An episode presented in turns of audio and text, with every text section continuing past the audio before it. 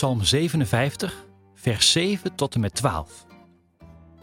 Een gebed van David voor de zangleider op de wijs van het lied Vernietig mij niet.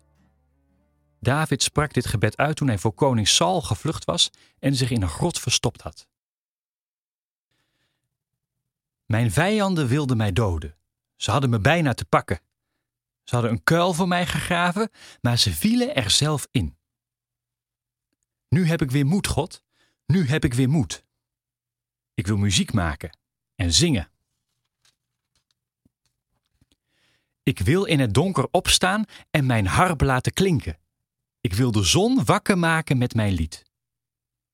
Heer, ik wil u danken. Overal op aarde wil ik voor u zingen. Heer, uw liefde is zo groot als de wereld. Uw trouw is zo hoog als de hemel. God laat zien hoe machtig u bent, in de hemel en op aarde.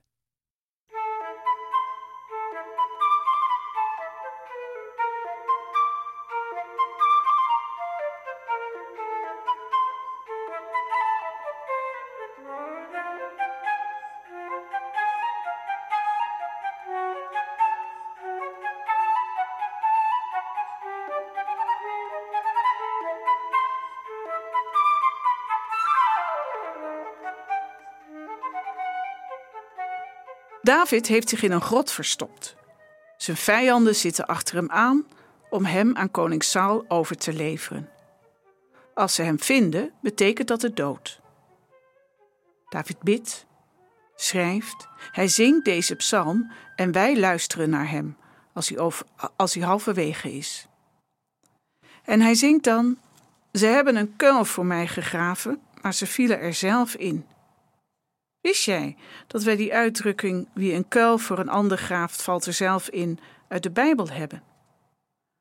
Was het de kuil als graf die ze alvast hadden gegraven om het dode lichaam van David in te kieperen? Of gaat het hier om een valkuil, een list, een slimme truc? Is dat die kuil? Heb je dit wel eens meegemaakt? Dat je zo verraden werd?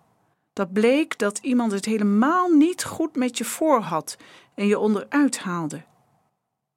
Ik ben er wel eens ingetrapt. En dat is vreselijk. Niet alleen mijn vertrouwen in die ander was definitief aan diggelen, maar vooral het vertrouwen in mijzelf. In mijn eigen intuïtie kreeg een enorme deuk.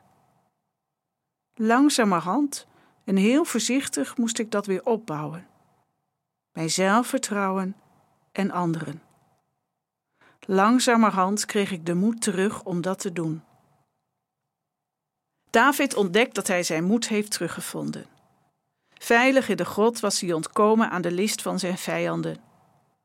Hoewel hij in het donker zit, durft hij weer te denken aan zingen en muziek maken. Durft hij te verlangen naar de zon die hij wakker zal maken met zijn lied.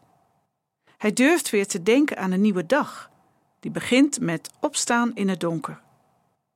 Of is zijn opstaan meer als opstaan tegen het donker. Een protest tegen alles wat hem overkomt. Een begin van verzet tegen het onrecht dat hem is aangedaan. Opstaan in het donker. Opstaan tegen het donker. Vast en zeker kun jij er ook over meepraten. Hoe heb je dat zelf een keer gedaan? Of hoe je, heb je verlangd om dat op een dag te doen? Hoe is dat geweest? Of hoe zal het zijn, denk je?